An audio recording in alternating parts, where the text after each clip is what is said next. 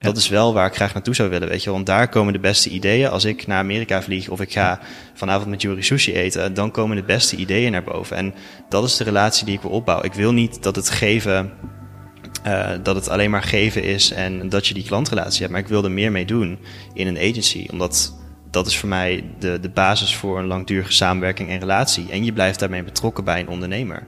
Je luisterde naar een kort fragment van mijn gesprek met Dennis van den Bergen. Hij begon op zijn vijftiende met zijn eerste webshop en ondersteunt inmiddels met Social Catch en Mailblue meer dan 3500 ondernemers met 19 teamleden. En als co-founder van deze groeibedrijven spreek ik hem over de start van dit avontuur, de belangrijkste beslissingen en de grote visie voor de toekomst. We hebben daarnaast over het vroegtijdig stoppen van zijn opleiding en zijn kijk op het onderwijs. Eh, het grote succes achter Mailblue en de sleutels tot de grote doorbraak. Het aansturen van zijn groeiende team met specialisten. Het houden van focus en regie op de groei. En het nieuwe pand waar hij in januari intrekt met het bedrijf. En natuurlijk nog heel, heel veel meer.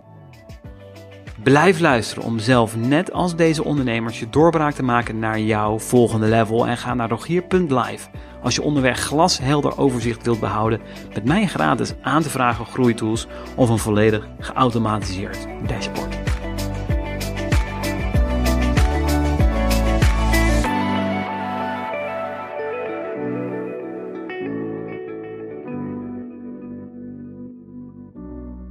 Las dus jou, je begon je eigen webshop voor bikinis. What the fuck, mhm. bikinis? Ja. Daar ben ik heel benieuwd naar. En uh, ik wil gewoon heel die reis nu naar Social Catch, daar Mailblue, hoe, hoe is het allemaal zo gelopen? Waar, waar, waar, we gaan maar, laten we beginnen bij die bikinis. Want dat uh, fascineerde me wel. Dat ik dacht van 15 jaar. Mm Ja, klopt. Het was, het was echt een hele bijzondere tijd toen ik, uh, toen ik uh, mijn jeugd eigenlijk had. Want ik werkte in een, een horecabedrijfje. Het was eigenlijk een soort snackbar. Um, en ik had wat, wat oudere uh, bazen, om even zo te zeggen. En ik merkte dat ze een beetje hun, hun, passie verloren in het bedrijf, om even zo te zeggen. En toen dacht ik, ja, dat, dat, kan ik veel beter. Alleen, ik zat nog op school, ik sportte nog heel veel. Dus ik moest bepaalde keuzes maken van mijn ouders. Focus, om even zo te zeggen. Het werd me heel vroeg al bijgebracht. Mooi. En ik was bezig met, uh, oké, wat, wat kan ik dan gaan doen? En ik zag dat uh, een webshop is heel laagdrempelig om op te starten ik had een dak boven mijn hoofd, want mijn ouders betalen het huis uh, en het eten. Dus het was heel laagdrempelig en goed om te starten. En ik, ik vond een bepaalde trend op internet. En dat, dat waren dus inderdaad een specifiek type bikinis.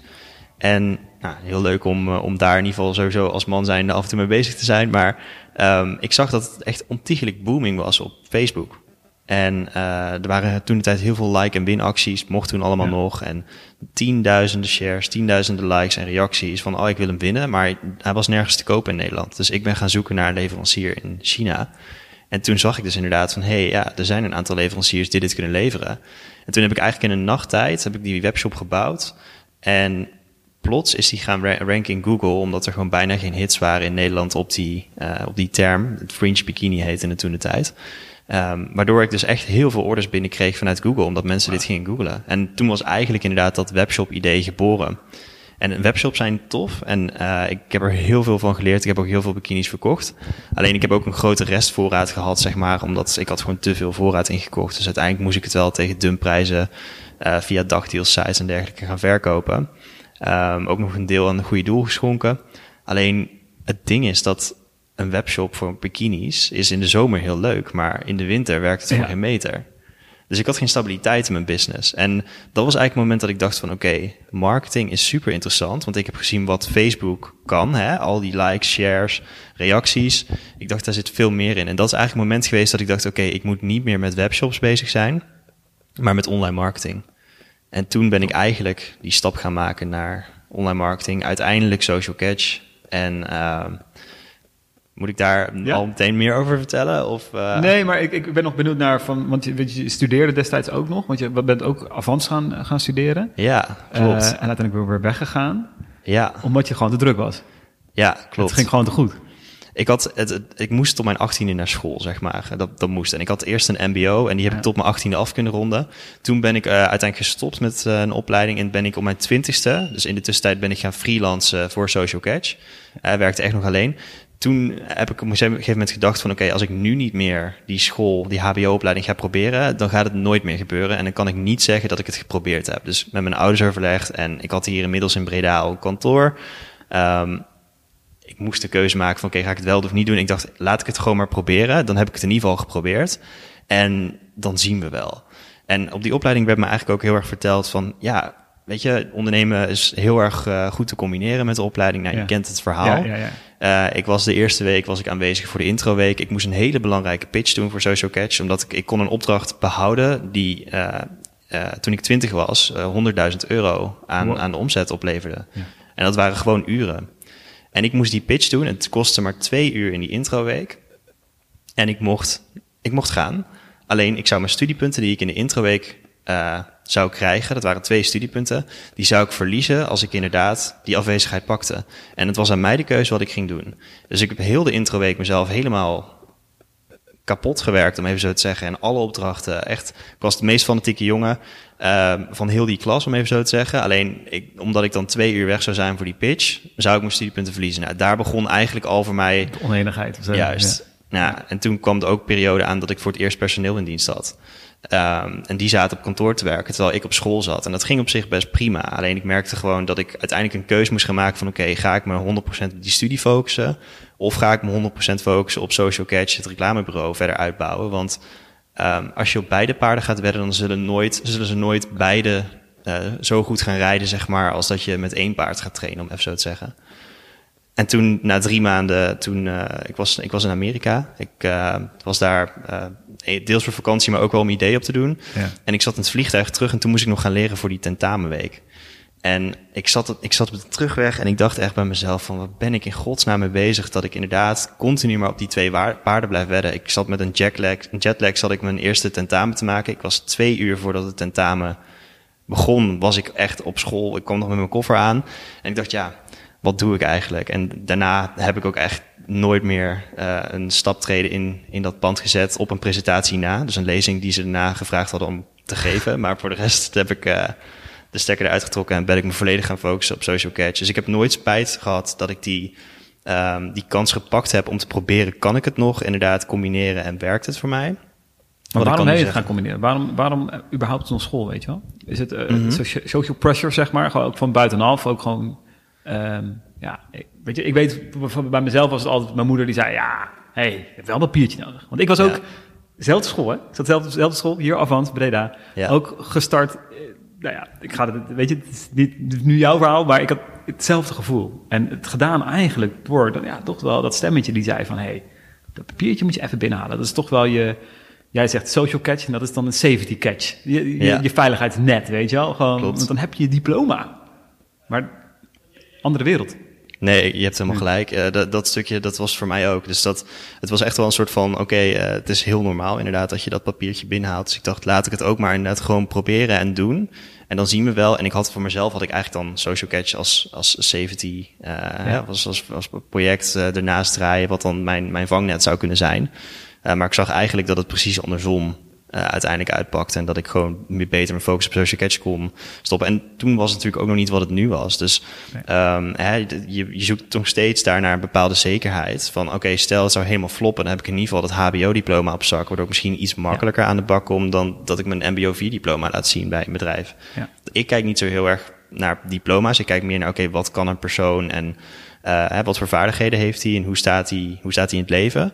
Daar kijk ik naar als ik mensen aanneem. Alleen ik kan me voorstellen dat 95% van de bedrijven die er zijn, dat die wel naar dat papiertje kijken, wat theoretisch ook gewoon zo is.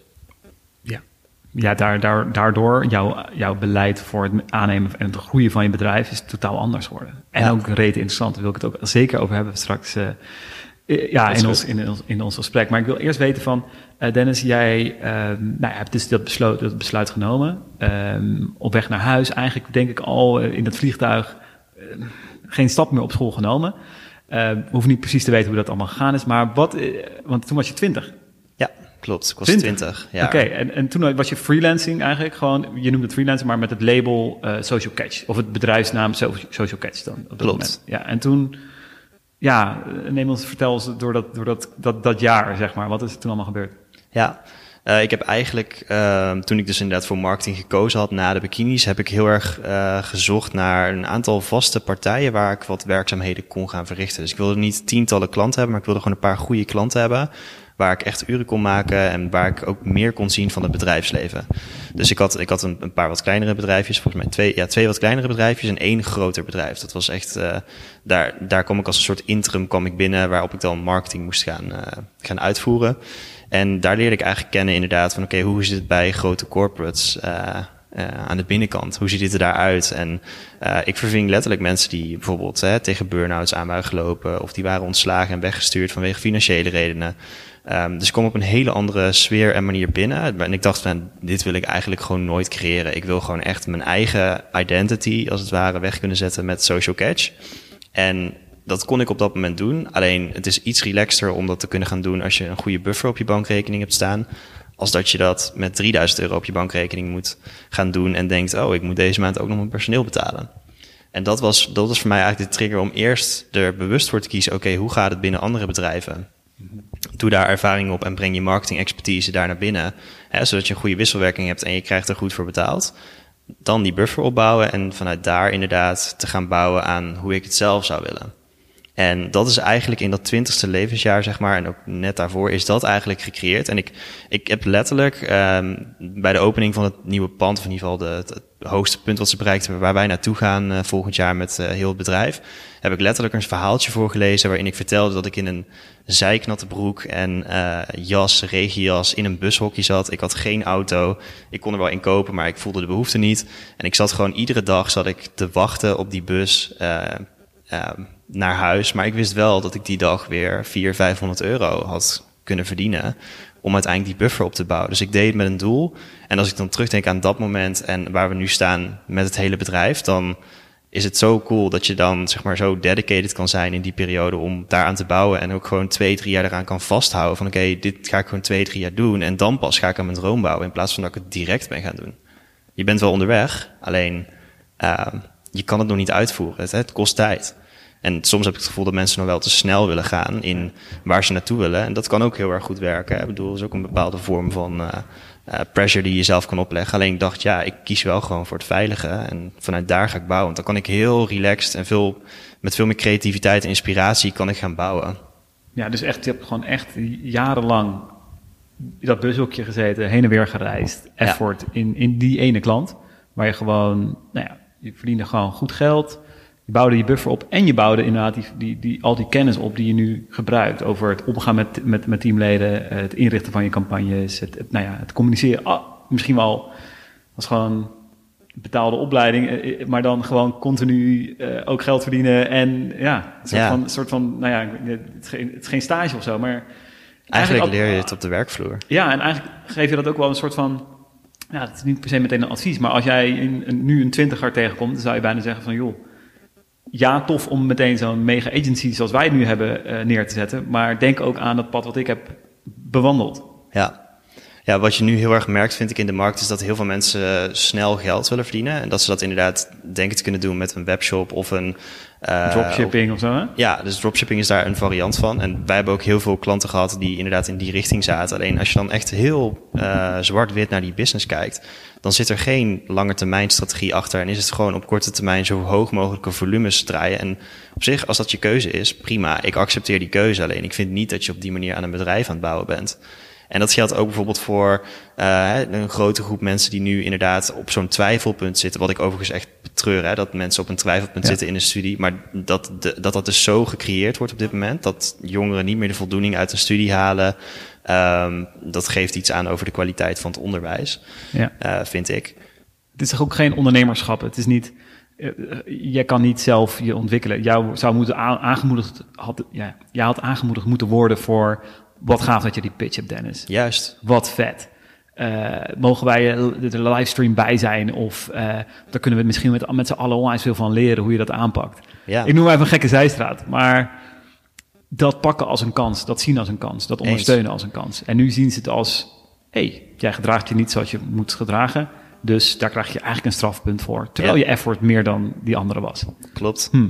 Kijk, en ik kan me voorstellen dat als ik een toets niet haal, dan is het terecht als je me daarop straft. Alleen als je inderdaad ondernemerschap, wat letterlijk de studie was, hè, ik bedoel, zo heette het. Ja. Als je dat dan niet stimuleert doordat je dit niet eh, toelaat, Ja. ehm, ja, dan klopt er iets niet, zeg maar in mijn ogen. En het, het probleem is, en dat is het probleem van het onderwijs, vind ik, dat ehm, ik vind het persoonlijk op dit moment plofkiponderwijs. Want we zijn allemaal een nummertje. En scholen hebben eh, eh, bonussen eigenlijk die ze vanuit de overheid krijgen als ze een hoog slagingspercentage hebben. Dus hoe meer mensen hun diploma halen, Ja. hoe hoger die bonusvergoeding eigenlijk is die ze, Ja. die ze krijgen. Volgens mij is het met name op mbo, hbo.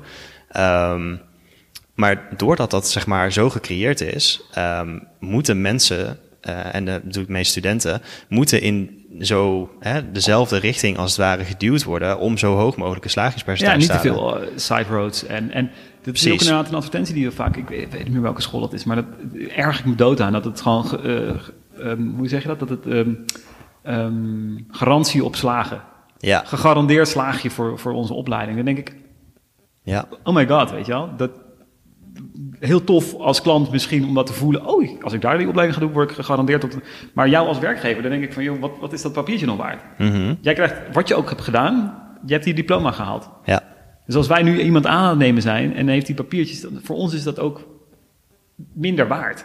Ja, en dat is het grootste probleem als je nu naar vacaturesites gaat en je gaat kijken naar wat voor eh, mensen daar gevraagd worden. Het zijn bijna alleen maar mensen met twee, drie jaar werkervaring. Waarom? Omdat de werkervaring dus juist ontbreekt in die studies Ja. en iedereen op dezelfde manier opgeleid wordt. Alleen die werkervaring, die is dus juist nu zo belangrijk om die aansluiting te vinden met, met eh, de, de werken, de daadwerkelijke arbeidsmarkt. Ja. En eh, daar gaat het nu in mijn ogen mis. Maar dat is nu ook wat jij hebt gecreëerd met die, die eerste van 20 tot misschien wel 23, tot, ik weet niet wat, tot welke leeftijd, dat je echt gewoon gezegd hebt van de dedicated, eigenlijk een soort van, eh, je bent freelancer geweest voor vooral één, één partij, daar ondertussen misschien nog wel andere klanten gehad, maar eigenlijk misschien wel grotendeels van je, van je tijd ging daar naar die ene partij toe. Ja, daar ontzettend veel geleerd. Dat was eigenlijk ook, stel je moest daar weg, stel wat dan ook wat er gebeurde, eh, dan had je wel die werkervaring. ja, klopt. Die 1, 2, 3 jaar die je daar had. Dus dat was bijna al meer ehm, social catch, eh, sorry, eh, meer safety catch dan, Ja, dan die hele, de hele opleiding. Ja, dat klopt. Ja, dus ik, het was in de periode van 18 tot 20 ongeveer, zeg maar, waarin ik dat, eh, dat pad echt pakte. Dus van Oh, 20ste oké, ja. kreeg ik die, die, begon ik echt met personeel mee, zo te zeggen. Alleen het ding is dat, ehm, ja, dat was voor mij, zeg maar, eigenlijk mijn werkervaring, zeg maar, en de brug om uiteindelijk dan mijn agency te bouwen. En eh, ik, ik vond het wel heel erg belangrijk dat ik ook bij andere bedrijven in de keuken keek. Want anders dan sta je blind binnen één bedrijf. Dat is ook niet goed. Dus ik heb wel een aantal losse opdrachtjes bij andere Ja. corporates en voornamelijk banken en grotere bedrijven gehad. Omdat ik dan interessant vond om te zien hoe het daar aan toe ging. Ehm, maar dat waren niet die vaste projecten inderdaad. Dus het was echt wel één groot vast project om die buffer op te bouwen. Maar wel in de tussentijd even snuffelen van oké, hoe gaat het er bij andere bedrijven aan toe? Om een goed beeld te krijgen van wat ik daadwerkelijk echt zelf wil gaan bouwen. En wanneer ging die, die, die raket echt gewoon... Ja, dit is een soort van... Ik zie het nu als een... Als even naar, naar het idee van een raket kijken. Je bent daar... Je hebt, het gebouwd. Je hebt hem helemaal... Het fundament helemaal gelegd. Hij staat daar klaar om te gaan opstijgen. En dit is misschien wel het, het zware werk. En hij is nu... Ja, nu jaren later is hij gewoon echt aan het vliegen door de ozonlaag, zou ik maar, zou ik maar willen zeggen. Ja. Hoe, wat, wat is er gebeurd? Wat, wat is er daarna gebeurd, zeg maar? Ja, en ik heb eigenlijk het eerste jaar heel erg gezocht naar, oké, hoe kunnen we het dan zo goed krijgen binnen het bedrijf, dat we stabiliteit hebben, dat we vaste klanten hebben. Ehm, dan heb je gewoon de twee, dan heb je in ieder geval je financiële aspect gecoverd. Want ik Ja. moest wel in eerste instantie investeren, want je, je hebt personeel, eh, je bent met een branding bezig, je moet gaan adverteren.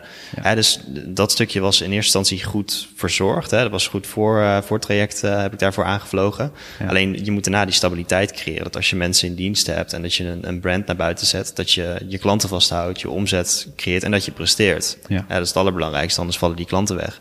Dat heb ik eigenlijk het eerste jaar heel erg gedaan en me op gefocust.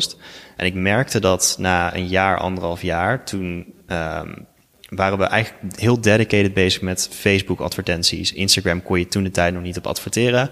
Eh ze waren voornamelijk met Facebook bezig. Alleen is één nadeel van adverteren op Facebook. Je kan niet altijd direct de conversie opzoeken. Dus als jij in Google Ads eh, en in Google eh, adverteert, mensen zijn echt gericht op zoek naar een bepaald product.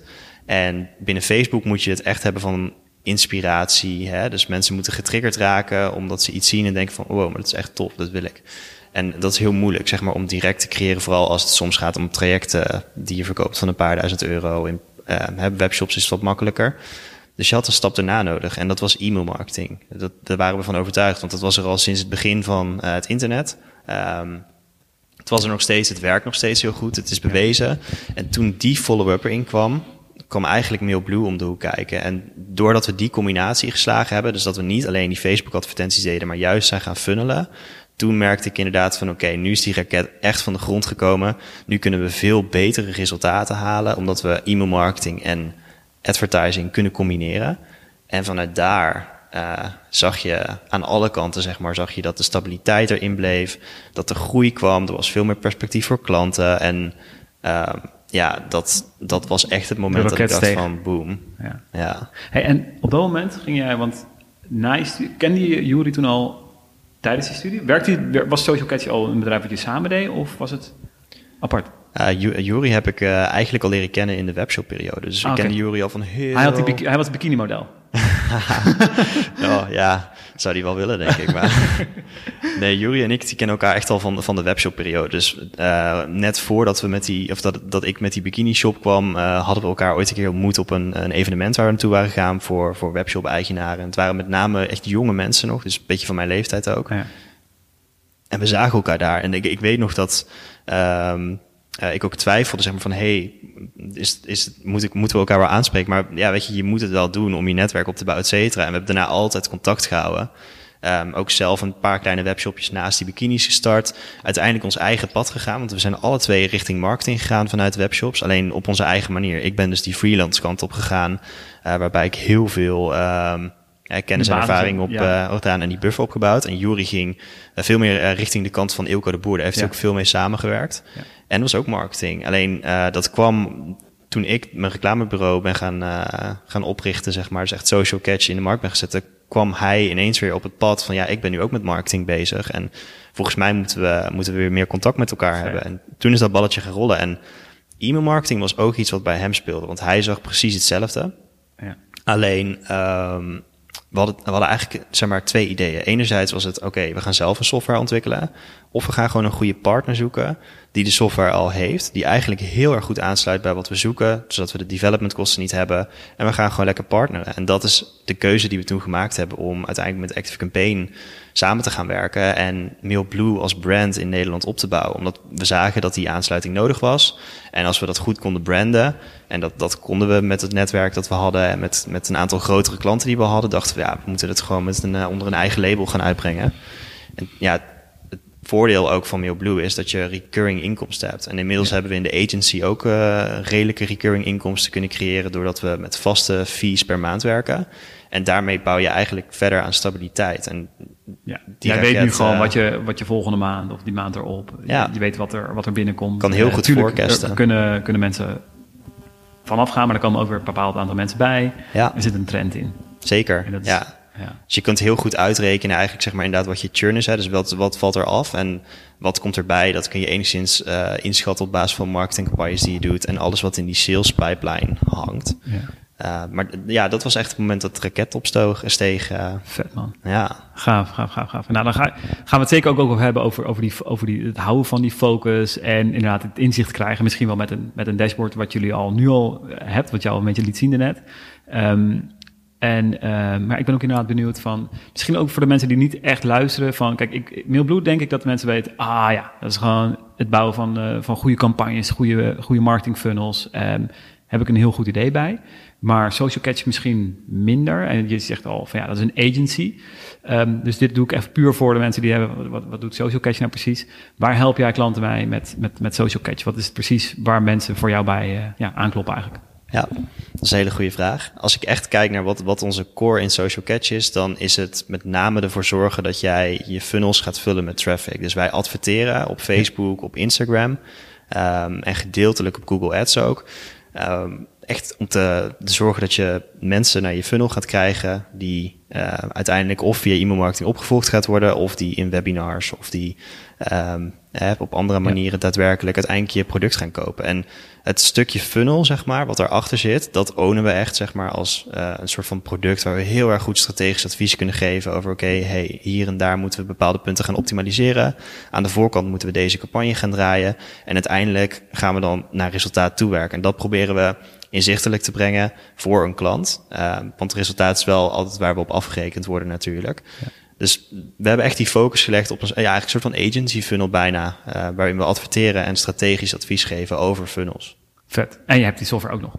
Ja. Dus hij dat, ja, ja, ja. Oké, helder, helder. Ik denk dat het ook voor, nou, voor mij was het helder, maar ik denk voor iedereen ook thuis uh, super helder.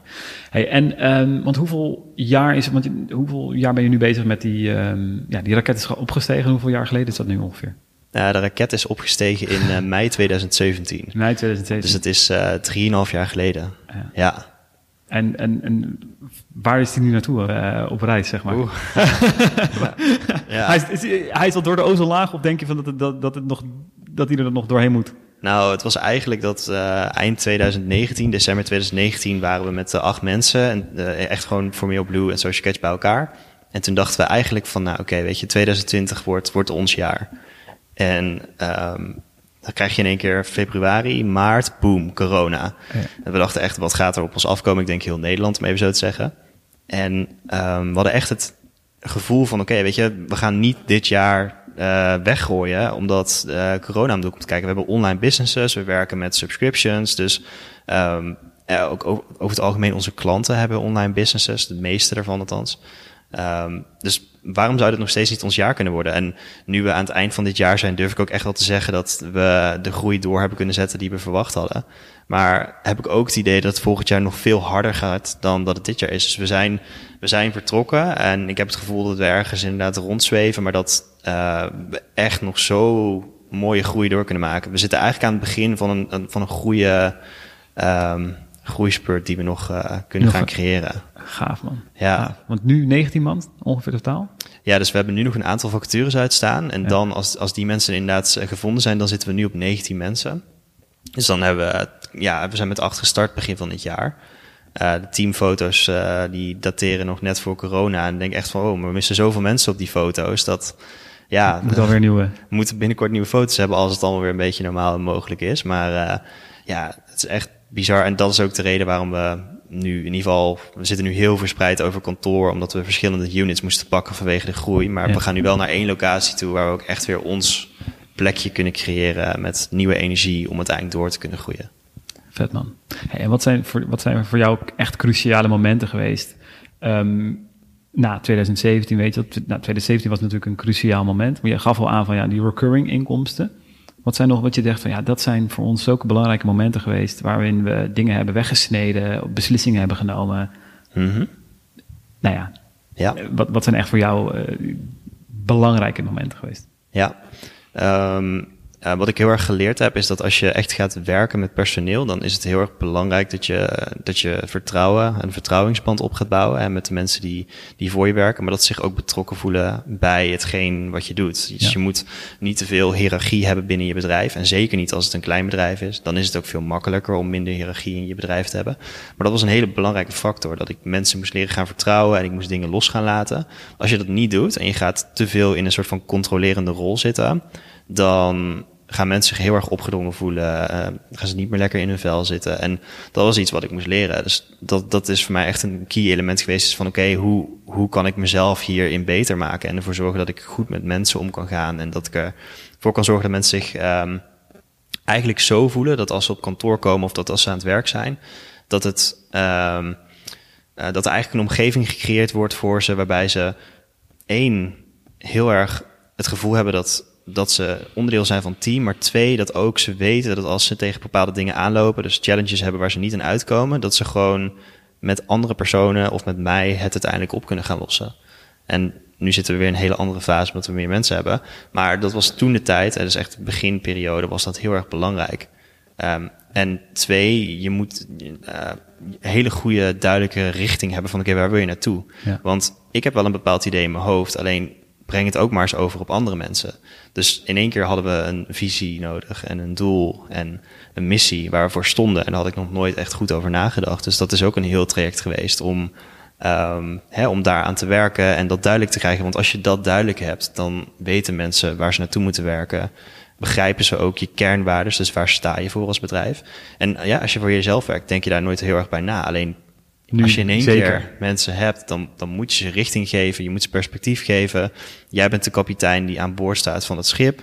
En als je ronddobbert op de oceaan en je hebt geen richting, dan wordt het heel moeilijk om naar een bepaald doel toe te werken. Dus je moet wel dat voor jezelf gaan creëren en duidelijk krijgen. Dat en hoe, heb je, hoe heb je dat een beetje gecreëerd? Hoe heb je dat doel? Want jij, dat is ook een heel traject geweest wat je zegt. Uh, visie, missie, uh, die, die doelen dus echt helder krijgen. Ja. Um, wat, wat, wat waren daar key moments of misschien wel partners. Misschien heb je wel een business coach daarbij gehad die je daarbij heeft geholpen. Ik weet niet hoe je dat hebt aangepakt, maar um, ben ik ehm, nieuwsgierig naar. Ja, goede vraag hoor. Ik, uh, ik heb het eigenlijk met het team opgepakt. Dus in december 2017 was dat moment waarop we zeiden van oké, weet je, we moeten veel meer doen met visie, missie, branding. Waar gaan we naartoe? Um, en toen was ik in Amerika, ook met Jury waren we naar... Um, Oeh, volgens mij, het was niet Traffic and Conversions. We zijn in ieder geval naar een, uh, een event geweest, een summit. Ja. Uh, oh, het was van Digital Marketer was het. Ja. Oh ja, ja, ja. ja. En um, dat was echt, dat was mind-blowing even voor ons, omdat het was heel erg gericht op agency. Uh, en nou ja, we leerden daar dus eigenlijk kennen van, oké, weet je, subscription is gewoon de toekomst. Of je nu je, je, je vaatwasblokjes op subscription abonnement neemt, je koffiecupjes of whatever. Hè. Tegenwoordig is alles op een subscription.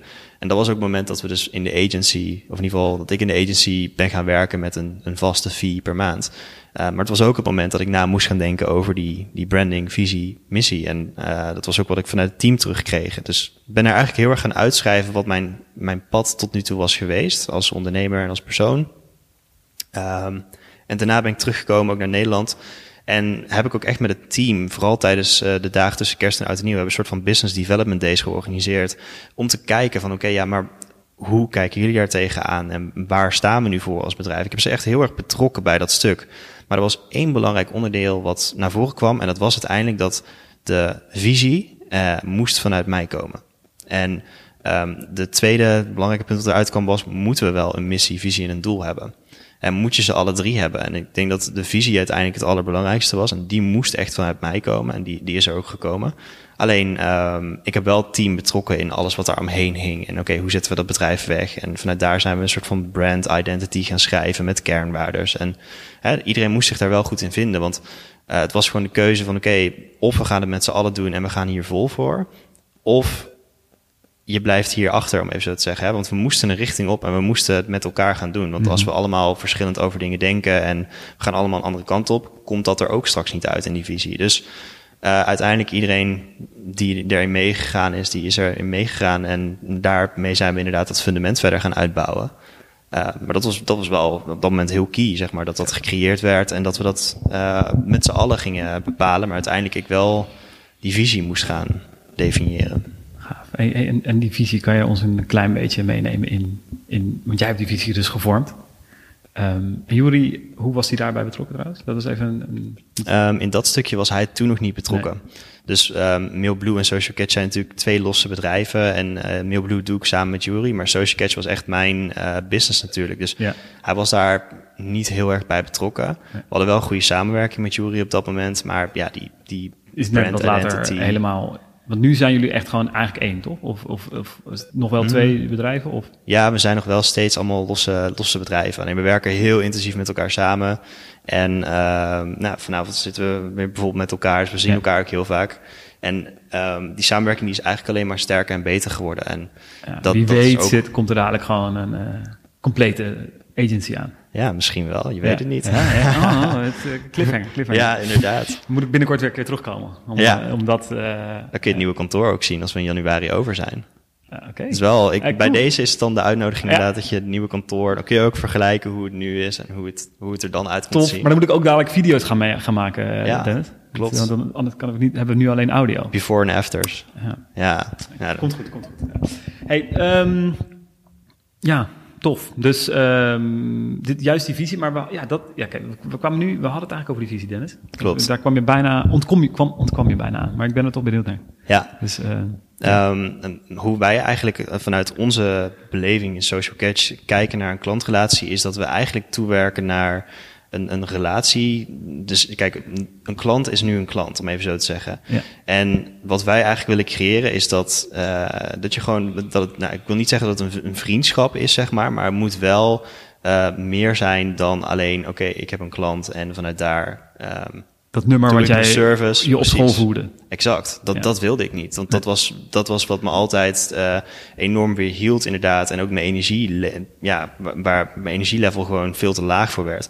Is dat er, het was niet persoonlijk. En eh, een, een, een relatie bouw je op, zeg maar, door inderdaad echt hè, waarde en effort erin te stoppen. En vanuit daar ervoor te zorgen dat je, ja, dat je eigenlijk een soort van, nou, wat ik zei, bijna een vriendschap creëert.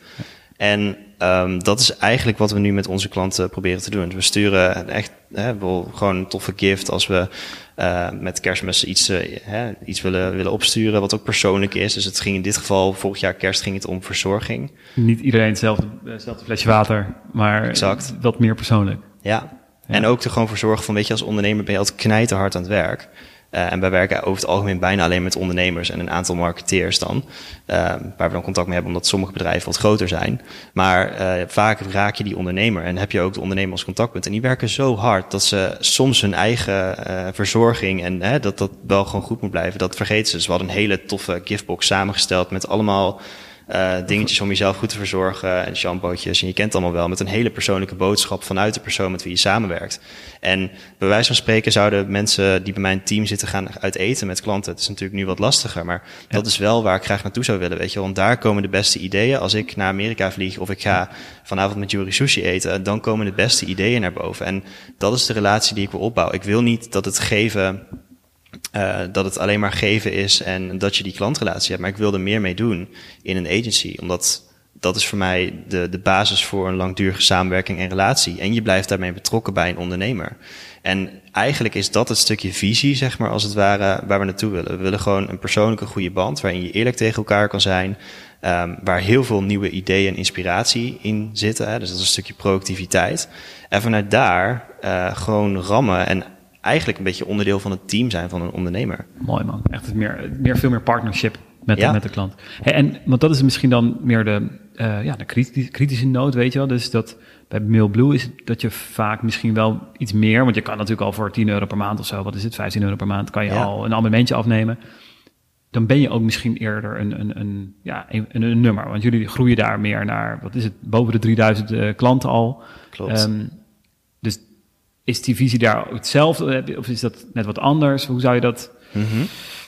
Ja, ik weet niet. Hoe zou je dat ehm, Ja, in daar ook meer kunnen creëren? Ja, dat is een hele goede, goede terechte vraag ook. Ik, ik denk dat eh, de, de kernwaardes die we hebben, dus dat we gewoon inderdaad persoonlijk zijn, proactief, eh, eh, eerlijkheid, dus gewoon kunnen zeggen wat we, wat we vinden, eh, Ja. ook in strategie-sessies naar klanten toe, dat we die heel erg goed kunnen uitdragen in MailBlue. Alleen de uitwerking inderdaad van de relatie is op een andere manier. En dat Ja. komt omdat je inderdaad massa moet bedienen. In een agency is het wat makkelijker omdat je veel minder klanten bedient. Ja.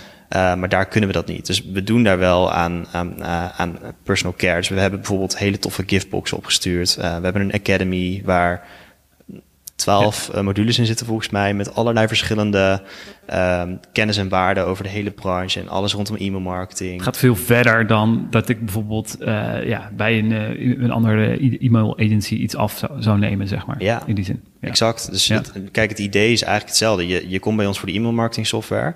Uh, maar je krijgt veel meer. Ja. En we proberen dat op zo persoonlijk mogelijke manier te doen. Alleen ja, ergens dit, heb je ergens een beperking. Ja. Ja. ja. En dan gaat, als je zegt van mensen willen verder, dan gaan ze, komen ze in contact met de agency en dan ga je meer.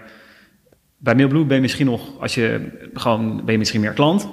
Bij Social Case ben je misschien veel meer, uh, de, ben je meer partner van de ondernemer.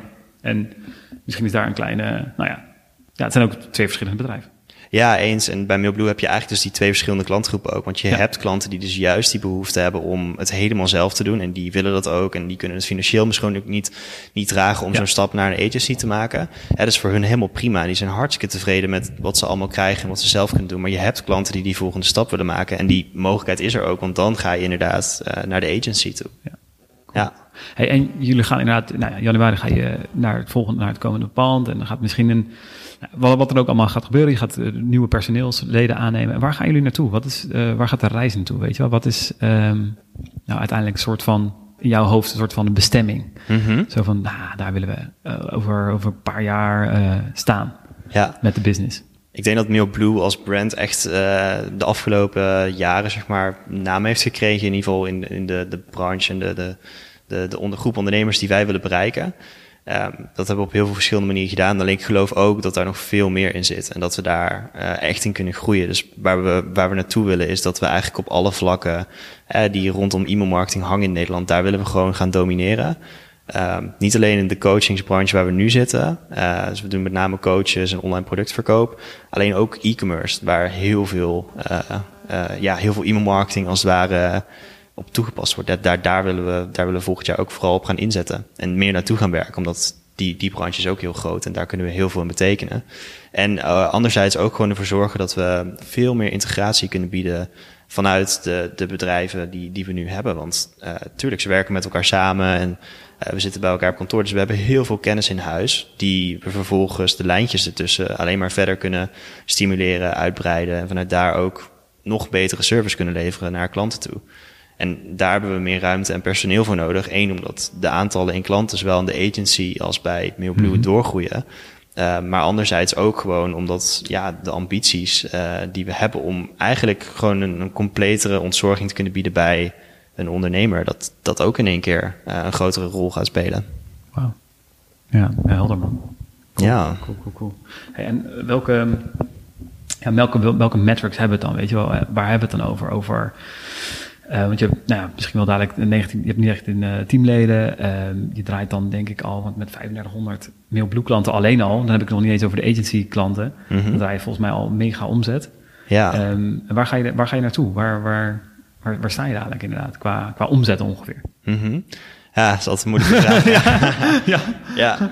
Ja, nou, het grappige is dat, uh, zeg maar, je, ik, natuurlijk ben ik er wel bewust mee bezig of zo, zeg maar. Alleen, um, het, het, is, als je twintig bent, zeg maar, dan is uh, twee ton heel veel, zeg maar. Ja. En nu denk je inderdaad van, oké, okay, nu is een paar miljoen heel veel. Ja. Alleen ik denk oprecht wel dat, uh, de afgelopen jaar hebben we de transitie kunnen maken dat we eigenlijk echt naar een miljoen, uh, een miljoen plus business zijn gegaan. Ja. En ik durf gewoon niet heel goed te pinnen van, oké, okay, dit gaat het volgend jaar worden of het jaar daarop, zeg maar. Maar dat we nu in ieder geval er ruim boven zitten en dat we daar echt exponentieel hard aan het groeien zijn, dat, dat is heel duidelijk.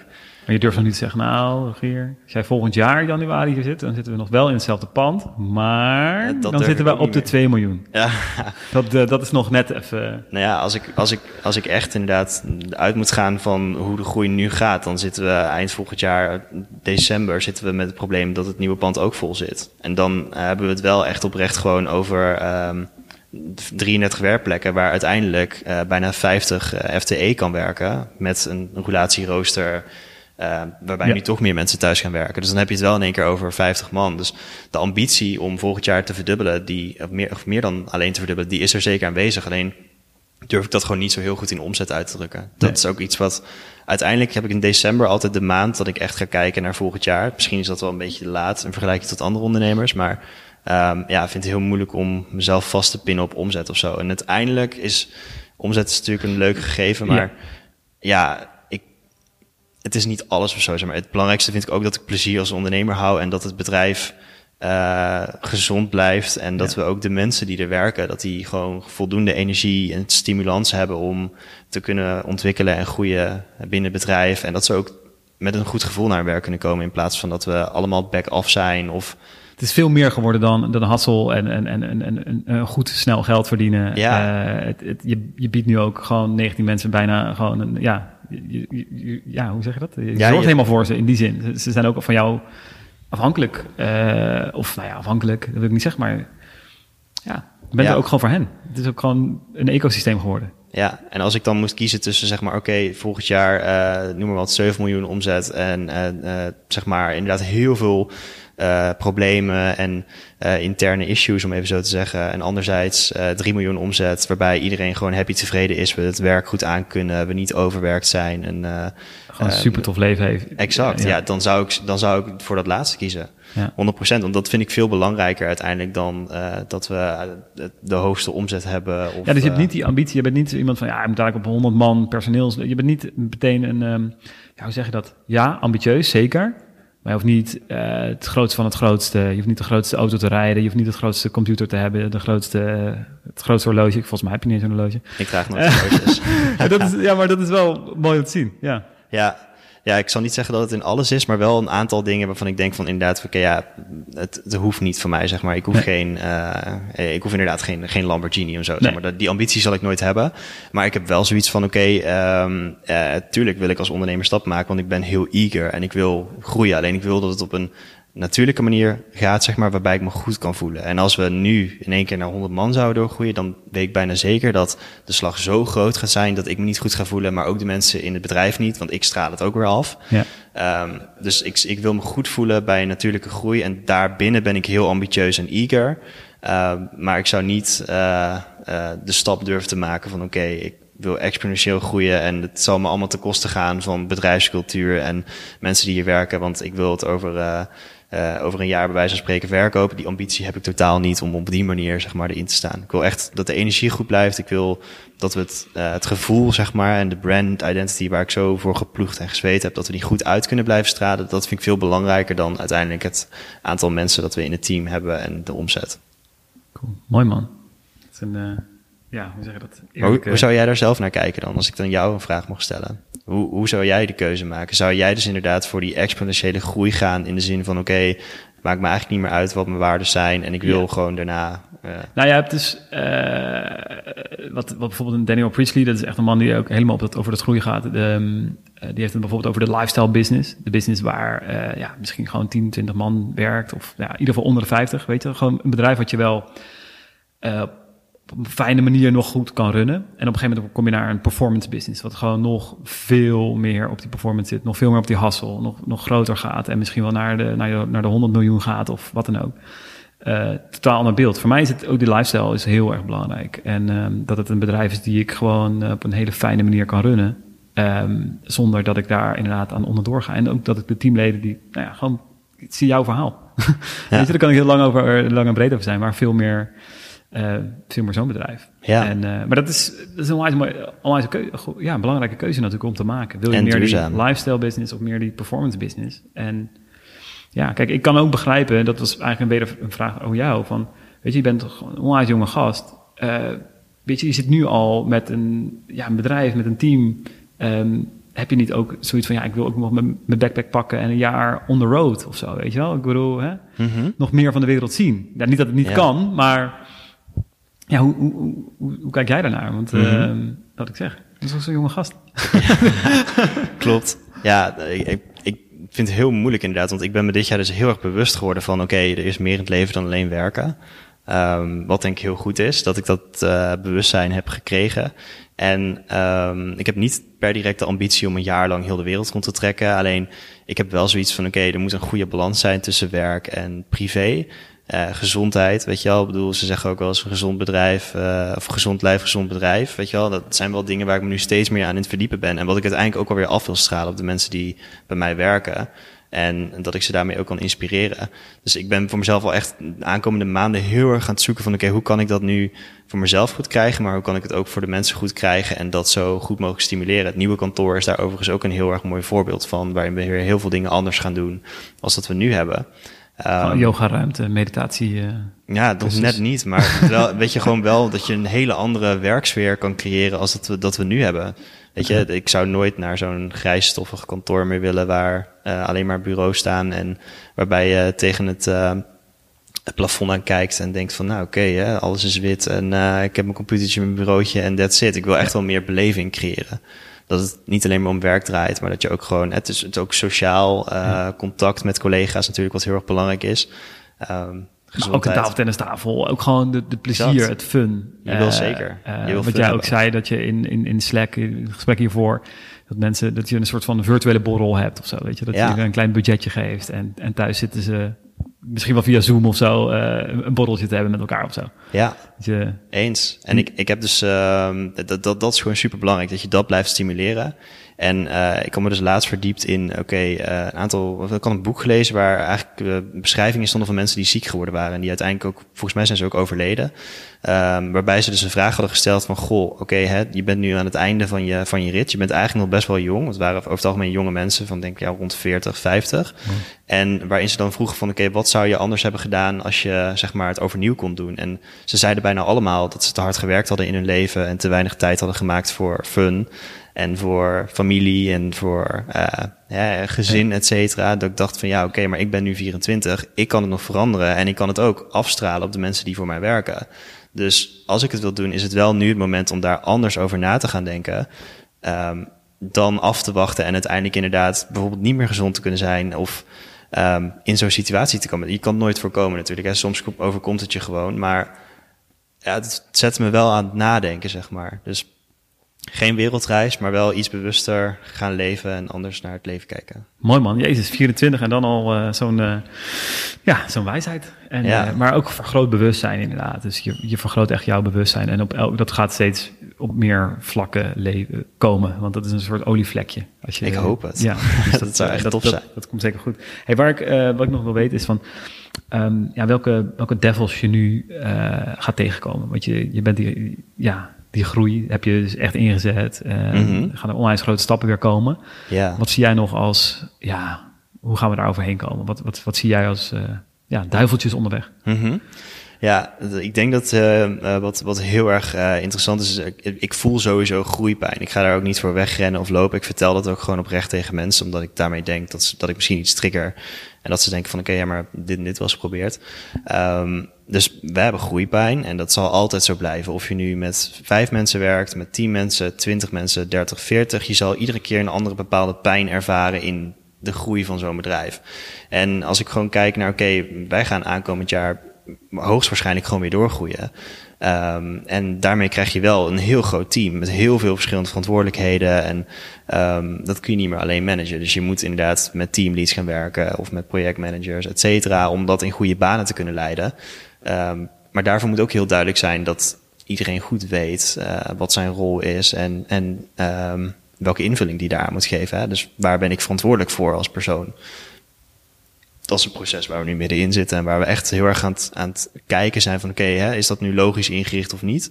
Dus dat gaat sowieso interessant zijn. En anderzijds, en ik weet niet zozeer of het een devil is, maar kijk, bij een agency, dus bij Social Catch, kunnen wij heel goed nog sturen en monitoren. Oké, weet je, dit is onze groei. En als we even niet door willen pakken omdat we even de boel willen stabiliseren, dan, uh, dan hebben we dat als het ware zelf in de hand. Dus dan zeggen we oké, even geen nieuwe klanten of even vasthouden op het level waar we nu zitten en daarna kunnen we weer door. Alleen bij MailBlue is dat heel anders, want die marketing die we daar opgezet hebben, die is zo breed ingestoken met events, met partners, met um, uh, funnels en advertising, dat en, en, mensen die ook nog mond-op-mond reclame doen en affiliates. En nou, zo kan ik nog wel even doorgaan. Daar hebben we geen grip meer op de groei, om even zo te zeggen. Dus we kunnen het wel, we kunnen wel rammen erop, om even zo te zeggen. Maar het zal nooit meer zijn dat als we nu alle stekkers uit de marketingkanalen trekken, dat er vandaag geen nieuwe klanten binnenkomen. Die blijven binnenkomen. Dus daar kun je niet meer remmen. Daar moet je in mee, daar moet je op freewheelen. En ik wil niet zeggen dat dat een devil is. Alleen ik denk wel dat dat een hele interessante uitdaging is, waarbij we de groei niet kunnen tegenhouden. Dat gaat wel gewoon door. Dus daar wil je wel op een bepaalde manier grip op houden. Ja. Maar dat kan niet helemaal. Je wilt in ieder geval in kaart hebben hoe snel het gaat, waar gaat het heen en een soort van forecasting. Ja, ook. Kunnen we ook van hoeveel teamleden hebben we daar nog voor nodig? Want hoeveel uur zijn we nu met het team bezig qua support? Of, of wat is de capaciteit überhaupt? Ja, eens. En dat zijn allemaal van die, van die key metrics waar we eigenlijk wel steeds meer naar gaan kijken. Van oké, okay, wanneer moeten we nieuwe mensen erbij hebben? Wat is onze uh, SLA? Hè? Dus welke service level agreement willen we aan klanten bieden? En uh, wanneer overschrijden we dat en wanneer niet? Uh, om maar duidelijk te krijgen van oké, okay, kunnen we wat we eigenlijk in het begin heel erg nastreefden. Dus persoonlijkheid, ja. Kunnen we die, die kernwaarden blijven nastreven? Ja. Kunnen we de kernwaarden wow, vasthouden? Ja. ja. Ja. En dat is wel, dat is de challenge voor volgend jaar sowieso. Dat, dat weet ik. Of het een devil is, weet ik niet. Maar uh, ik, denk wel dat ze daar uh, heel erg goed en uh, strak op moeten zitten. Omdat het een groeiend bedrijf is. Cool. Dus dat, Ja. daar gaan we het echt, we hebben het eigenlijk over uiteindelijk hier het, het dashboard. Dat je dus het inzicht blijft houden, continu, Ja, real-time, op, hey, op het team dus bijvoorbeeld, op die capaciteit. ja, Houden we nog, houden we nog ons aan die, die, eh, die SOA, eh, aan die kernwaarden die we als bedrijf hebben? Kunnen we het nog wel echt waarmaken? ja, Of hebben we echt over vier maanden een nieuwe, twee, twee nieuwe supportmedewerkers nodig, omdat we anders onder gaan lopen of zo? ja. Dat je bijna die forecasting op dat stuk kun- kan hebben, maar ook op, nou ja, businessbreed natuurlijk. Ja, dat is, dat is inderdaad echt waar we nu behoefte aan hebben en waar we ook eh, ja, steeds meer mee moeten gaan doen. En er is ook een tijd geweest dat ik dacht van, oh, software, weet je wel, kost best wel veel geld iedere keer. Ja. En ik durf oprecht mijn hand in het vuur te steken dat we misschien wel 40, 50.000 euro nu aan kosten per jaar maken aan software, als het al niet meer is. Ehm, maar hoeveel werk het uit handen kan nemen en hoeveel grip het je kan geven als je een groeiend bedrijf bent, dat is het zoveel meer waard dan eh, ook tijd efficiency. Hè? Ik bedoel, als je, als je ziet wat het allemaal automatiseert en Ja. waarvoor je nu mensen niet meer nodig hebt, is het het zo dubbel en dwars waard dat ik durf oprecht te zeggen, als je software goed gebruikt en je, je, je investeert erin, dan, ehm, dan komt het er ook echt wel uit als je een groeiend bedrijf hebt. Ja, ja nee, absoluut. Hey, en je kijkt dus, eh dat vind ik sowieso een heel interessant onderwerp. Software kan, eh, ik, ik heb altijd een soort van eh, drie, drie staps, weet je wel. Je hebt een soort van, als je naar een bedrijf kijkt en je bent het aan het optimaliseren, je kan beginnen met dingetjes elimineren. Het is eigenlijk van Marie Kondo, weet je wel. Die, die, die schoonmaakgoeroe of de opruimgoeroe. Die, je ligt, ligt, gooit al je processen, al, alles gooi je op je, op je, op je bed. Zij gooit dan alle kleren op het bed. En dan kijk je van, hé, hey, dat, wat, wat kan eigenlijk weg? Weet je, wat zijn de dingen die misschien niet meer nodig zijn? Dus het elimineren. En op een gegeven moment kijk je van, nou, oké, dan dit proces, ja, dat moet gewoon wel, dat is essentieel. We kunnen niet, een we kunnen niet, eh, niet ons product leveren of wat dan ook, weet je, dat is essentieel. Maar wat kan je daar in- inderdaad in automatiseren? En Ja. software kan steeds meer. Eh, we hadden het in het voorgesprek al even over bijvoorbeeld over een Zapier, weet je wel, die dingetjes aan elkaar lijmt en die al ontzettend veel voor je zou kunnen doen. Ja, Ehm, nou ja, neem deze podcast. Als ik ehm, dadelijk upload, dan wordt die ook automatisch op mijn blog gezet. Eh, dan moet ik er nog wel een tekstje omheen schrijven of kleine dingetjes doen. Maar dingetjes kunnen al geautomatiseerd worden. Ik kan hem ook automatisch laten doorsturen naar een software die zorgt dat de ruis even weggaat. Of de, de, de airconditioning. Weet je, dat soort shizzle kan je allemaal al regelen. En dat Ja. scheelt je al weer een kwartier of een half uur aan tijd. Ehm, en als je dat, nou, stel dat ik elke dag een podcast zou opnemen, dan...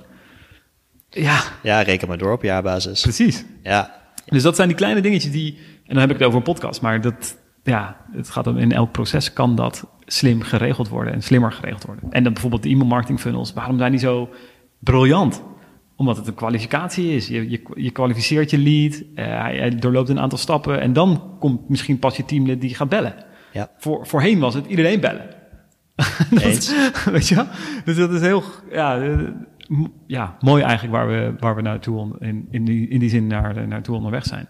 En uiteindelijk ga je pas uitbesteden. En, Ja. delen- en, en, en het team opbouwen wat echt waar. En dan kan jij het nu veel meer op die kernwaardes hebben. Je kan veel meer teamleden inhuren waarbij het gaat om die persoonlijke contact en het hulp. In plaats van de hele dag bellen.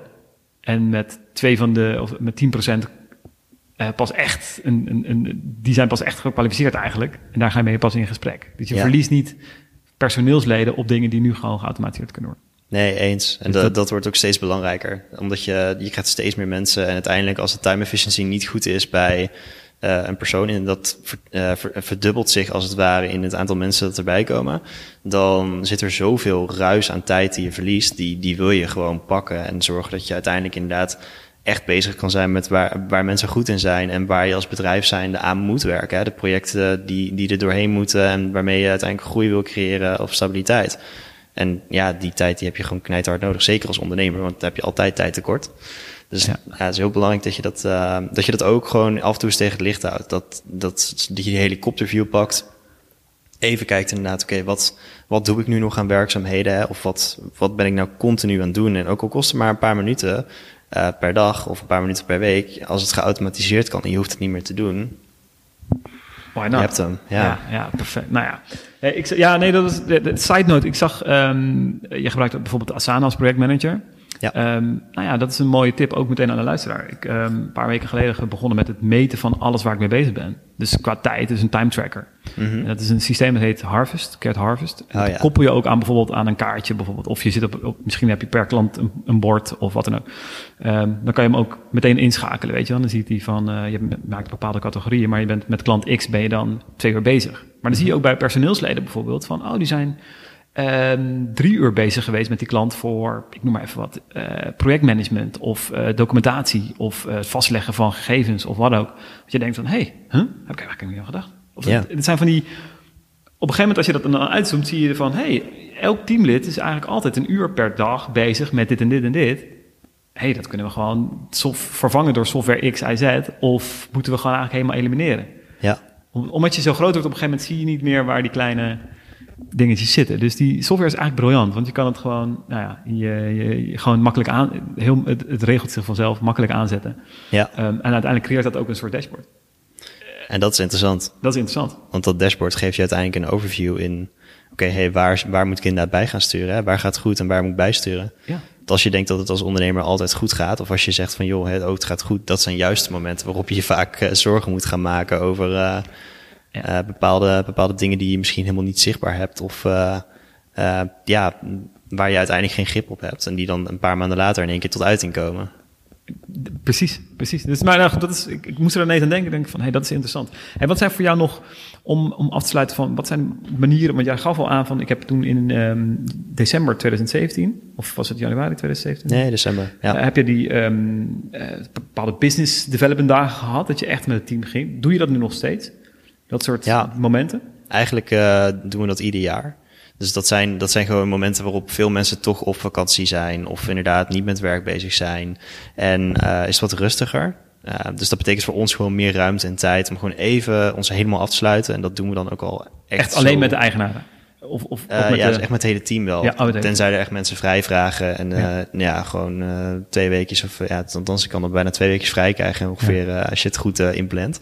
Dus dat zijn wel sowieso momenten, maar dat is niet het enige moment waarop we het moeten doen. Zeg maar. Er zijn meerdere momenten per jaar waarop je inderdaad echt goed naar moet kijken. Dus ehm, voorheen deden we inderdaad echt ehm, een aantal strategie, sessies, meetings per jaar.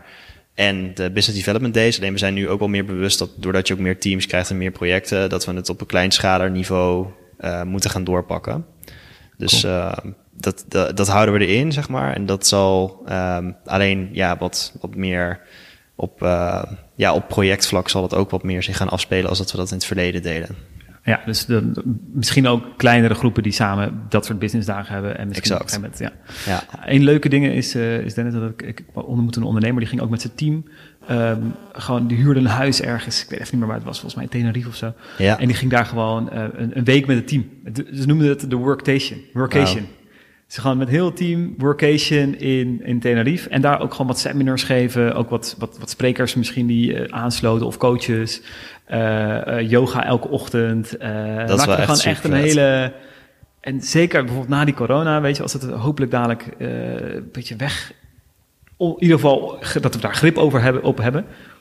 is dit een onwijs mooi cadeau aan het team. Dat je Ja. gewoon, als je een bepaald resultaat hebt behaald... dat je zegt, jongens... En dat geven we dan weer op het dashboard. Als dat bepaald is, weet je, als we daar zitten... het cadeautje, het feestje... is dat we met z'n allen naar daar en daar gaan. Naar Mallorca, naar Ibiza, whatever. Eh workation. We gaan in de ochtend lekker tot 12 uur werken... en dan in de middag... eh, Ja, dat, dat, is echt, dat is echt zo tof. Ja, het is grappig, want eh, Juri en ik hebben het er nog over gehad. eh, t- twee weken geleden toen ik eh, net op mijn vakantie nog was. Ja. En ehm, ja, we hopen dat we dat nog steeds kunnen doen, zeg maar, met de groei van het team. Alleen, eh, ja, weet je, als dit inderdaad echt ervoor kan zorgen dat je gewoon net even dat tandje extra kan zetten en we met z'n allen gewoon de fun en de plezier erin kunnen houden, dan gaan we dat hoe dan ook regelen. Corona of niet, we moeten gewoon kijken hoe we naar een oplossing toe kunnen werken. Ja, vet. Nou ja, dan al ga je daar inderdaad naar Texel als het dadelijk weer zonnig is. Dan eh, Ja. heb je een workation in Texel. Ja, dat, Dat, we eh, hopen dat het volgend jaar iets beter wordt. eh, Ja. Maar dat, eh, dat, zien- is altijd even afwachten. Dat zien we wel. Hey, wat zijn dingen, laatste, laatste dingen zijn eigenlijk meer van oh, oh, focus. Hoe hou je die focus? Wat zijn voor jou key metrics die je, die je, die je eigenlijk continu in de gaten houdt? Voor Eh, mezelf bedoel voor, je dan? Voor, de, voor, de je business? vooral. Ja, ja voor, de, voor, voor de business breed. Wat zijn voor jou belangrijke gegevens naast misschien winst, cijfers? eh, wat, zijn, Ja. voor, wat zijn voor jullie belangrijke dingen? Um, we werken met uh, Nice Reply. Mm -hmm. En daar, daar kunnen we heel erg goed peilen, oké, okay, wat is de, hoe is de reactie van klanten? En ook met surveys, dus dat doen we dan via SurveyMonk. Dus meer een soort van uh, help, helpdesk systeem, of dat bedoel je? Um, nice ja, het zijn eigenlijk feedback systemen, zo kun je het oh, denk ik zien. Dus ja. we gebruiken heel erg veel van feedback van klanten. Die, ja. uiteindelijk kunnen we daar heel veel van leren. Dus dat doen we met MailBlue, doen we het meer op die schaal, zeg maar. Dus surveys en Nice Reply, waar mensen ieder geval aan kunnen geven wat ze van de support vonden of wat ze van, van het bedrijf vinden. En anderzijds bij Social Catch hebben we eigenlijk een soort van evaluatiemoment met klanten. Dat doen we één keer per drie maanden, één keer per zes maanden. Een beetje afhankelijk van de situatie in de klant. Waarbij we dus ook heel erg naar die samenwerking kijken. En oké, wat is je behoefte? Waar wil je aankomende periode naartoe? Kunnen we je helpen om de doelen te creëren? En vanuit daar inderdaad samen door te pakken op hetgeen waar wij goed in zijn. Funnels en advertising. Dus op die manier um, houden we het in ieder geval voor onze klanten zeg maar scherp. Maar ook voor onszelf. Omdat wij dus ook feedback eerlijkheid, daar komt hij weer, een van de kernwaarden, willen horen van uh, onze klanten.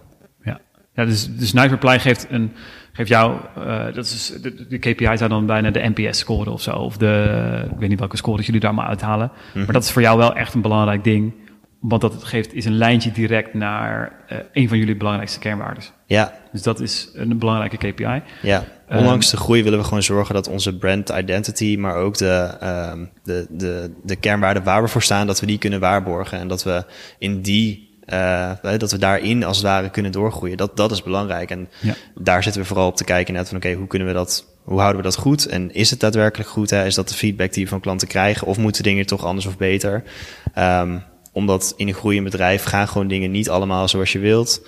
Uh, dus je moet gewoon heel scherp zijn op um, op wat klanten van je vinden. Um, wat team uiteindelijk ook van mij vindt, maar ook wat we van elkaar vinden. En dat op die manier juist daar de dingen uitplukken die belangrijk zijn om op door te pakken. Cool. Dus deze, deze is heel belangrijk. Heb je nog andere, dat je zegt van ja, die, eh, die, die zie je ook zeker op, uh, op, op een dashboard die ik zou hebben? Mm -hmm. Ja, ik denk dan toch uh, het stukje lifetime, value, de lifetime mhm. value van klanten inderdaad. En ook de, ja, gewoon de doorlooptijd van een klant. Want als je die goed kan managen en je hebt dus gewoon weinig churn, mensen die afvallen, dan weet je dat je ergens wel heel goed bezig bent. Dan heb je continuïteit en stabiliteit in je business. En zeker als je personeel aanneemt en het wordt alleen maar meer, dan heb je dat nodig.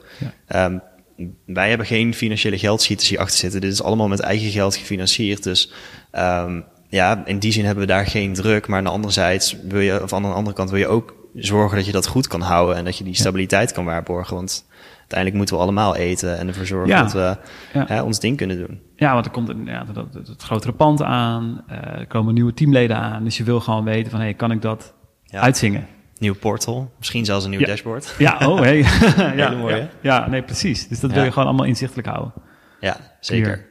Cool. Dus het, nou, het zijn een hele paar, paar, paar belangrijke. Nou, misschien over een paar maanden zien we misschien wel weer verder. En dan hebben we misschien wel, wel echt een dashboard of wat dan ook. Uh, dan kunnen we nog verder praten over wat er allemaal op staat. Maar die vind ik al heel interessant om te zien.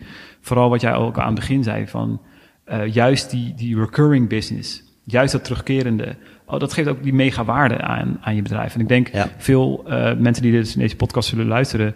Um, die werken ook bijvoorbeeld met online programma's of met programma's. Of die zijn misschien wel coach, trainer. Um, ik weet dat zij vaak pieken hebben. Dus ze hebben gewoon een piek uh, met, waar ze tien programma's verkopen. Maar na die tien programma's, en dat is ook het bedrijf wat ik hiervoor had, de Next Trainer, hadden wij coachingsprogramma's. Maar daarna was het coachingprogramma afgelopen, hadden we niet echt een upsell. We hadden niet echt een vervolg. Ja. Dus als je, het, als je het bedrijf verkoopt, heeft het ook veel minder waarde, want er zijn geen vaste klanten. Ja. Dus dat is altijd wel een belangrijk ding om te kijken van, hey, kan je ook die terugkerende inkomsten creëren. En bij MailBlue doe je dat door middel van software. En bij Social Catch doe je dat door middel van ja, een soort van uh, memberships. Ja, ja. klopt. Ja. En het mooie is dat er dus ook heel veel kruisbestuiving mogelijk is tussen die twee. Waardoor we inderdaad wel gewoon de stabiliteit kunnen waarborgen. En um, wat we dus heel vaak ook zien bij, bij onze klanten is dat ze inderdaad heel erg lang op één specifieke funnel of op één specifiek product vasthouden en daar vertrouwen omdat het werkt. Maar dan werkt het in één keer niet meer. En dan zijn ze de stabiliteit kwijt over hun business. En dan ga je paniekvoetbal spelen. En dat wil je niet. Dus je moet eigenlijk zorgen dat je verschillende sales funnels hebt. Waarin je ook niet afhankelijk bent van één product of van hè, één stroom van marketing. Want als het in één keer niet meer werkt, dan is je omzet weg. Dus je wil, je wil meerdere saleskanalen of inkomstenbronnen voor jezelf creëren om ervoor te zorgen dat je, dat je stabiel blijft. Ja. En zeker met personeel. Zeker met personeel. Zeker met personeel. Dan heb je in één keer iets meer verantwoordelijkheid. Ja man, thanks. Ja, ik denk dat ik nog echt gewoon uh, misschien wel heel veel dingen vergeten ben. Maar uh, ik, uh, ja, het laatste ding was eigenlijk dat jij er, las ergens van... Um, ik heb niet echt een succesboek uh, gelezen. Ik heb alleen Facebook gelezen. ja. Het enige succesboek. Maar tegenwoordig, net in het voorgesprek zei je al van... ja, ik ben wel meer aan het lezen nu. Ja, en ik heb al veel geschreven ook. Dus la, laten we daarmee afsluiten. Wat, wat, wat, ben, wat ben je aan het schrijven en... of ja. kan je daar nog niks over zeggen? Zeker, jawel. Ik heb uh, op dit moment zijn er heel veel mensen die een boek uitbrengen, de afgelopen jaren en nog steeds. Ja. En het is heel erg tof om die boeken te lezen. Ik heb ook best wel wat uh, inmiddels gehad. Alleen de, de schrijfstijl, zeg maar, is heel erg uh, informatief, vind ik ook vaak. En natuurlijk zit ook wel een stukje persoonlijk uh, in van over hoe iemands leven in elkaar zit en uh, de dingen waar ze tegen aangelopen zijn. En alleen de manier hoe ik het schrijf is eigenlijk een dagboek. Dus ik, ik, ik omschrijf echt in detail, zeg maar, of in detail omschrijf ik Um, wat er op die dag gebeurt, echt bij wijze van spreken, inderdaad, dat ik naar de wc loop en dat ik daar in één keer een idee krijg. Of dat ik inderdaad door de stromende regen loop in vertrapte schoenen van de Zara die me een tientje hebben gekost en de benzinekosten meer geko gekocht hebben. En vanuit een persoonlijk verhaal, dus echt vanuit een dagboek, leg ik eigenlijk de link naar iets in business of in marketing. En vanuit daar heb je dus heel veel metaforen en links, waardoor het heel makkelijk is om te lezen. Dus ook al lees je niet veel, dan kun je er heel snel en makkelijk doorheen. En waarbij je niet alles wat in het boek staat zal kunnen gebruiken, maar je juist de cherries moet gaan plukken um, die je mee kan nemen in jouw business of in jouw gedachten.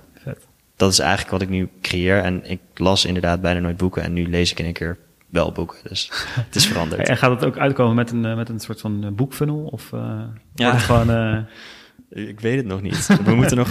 Ja, ik, ik heb even over nadenken. Ze, iedereen in het team weet ook dat ik dat boek schrijf en dat ik inmiddels wel behoorlijk uh, op weg ben. Alleen hoe we het dan in de markt gaan zetten, heb ik eigenlijk nog niet over nagedacht. Het is meer nu gewoon van: oké, okay, ik ga mijn verhaal ja. en mijn kennis ga ik delen op de mooie manier van een dagboek. En we gaan daarna kijken hoe we het in de markt gaan zetten. Dus dat zal denk ik volgend jaar wel ergens uh, duidelijk gaan worden. Het is toch, het is toch grappig, hè? De way, dat is juist weer veel ondernemers zeggen: ja, nee, gewoon eerst verkopen en dan maken. Ja. Uh, jij doet nu maken en dan verkopen. Ja. En, maar dat is, dat is grappig. Ja, het is eigenlijk ja. het complete opzet. Want ja. ik, ik zou zelf ook inderdaad misschien wel een, een, eerder een keuze maken om eens te kijken van ja, oké, okay, kan ik het wel verkopen en hoe ga ik het dan doen? Alleen ik heb nu meer zoiets van dit is meer een soort van Iets mijn anders. project of zo, zeg Ja. maar. Al, al, nou, ik zou niet zeggen dat ik er geld op te veel geld op wil toegeven, maar het is gewoon meer van mezelf dat ik het kan schrijven en ik weet van oké, ik kan mensen hier intern kan ik zeg maar meenemen in mijn gedachtegang, zodat ze ook weten hoe ik Ja. dit ervaar en hoe ik het doorloop. En als ik er andere mensen mee kan inspireren en ik verdien er niks op, helemaal prima. Het, is, het heeft een ander doel. Ja, Het is niet het doel om daar eh, social catch groter mee te maken per se. nee. En eh, het is anders. Eens, ja. Het is gewoon mijn verhaal en dat kan ik, uh, als ik daar mensen mee kan inspireren, dan, dan doe ik dat heel graag. Cool. Ja. Gaaf, hè?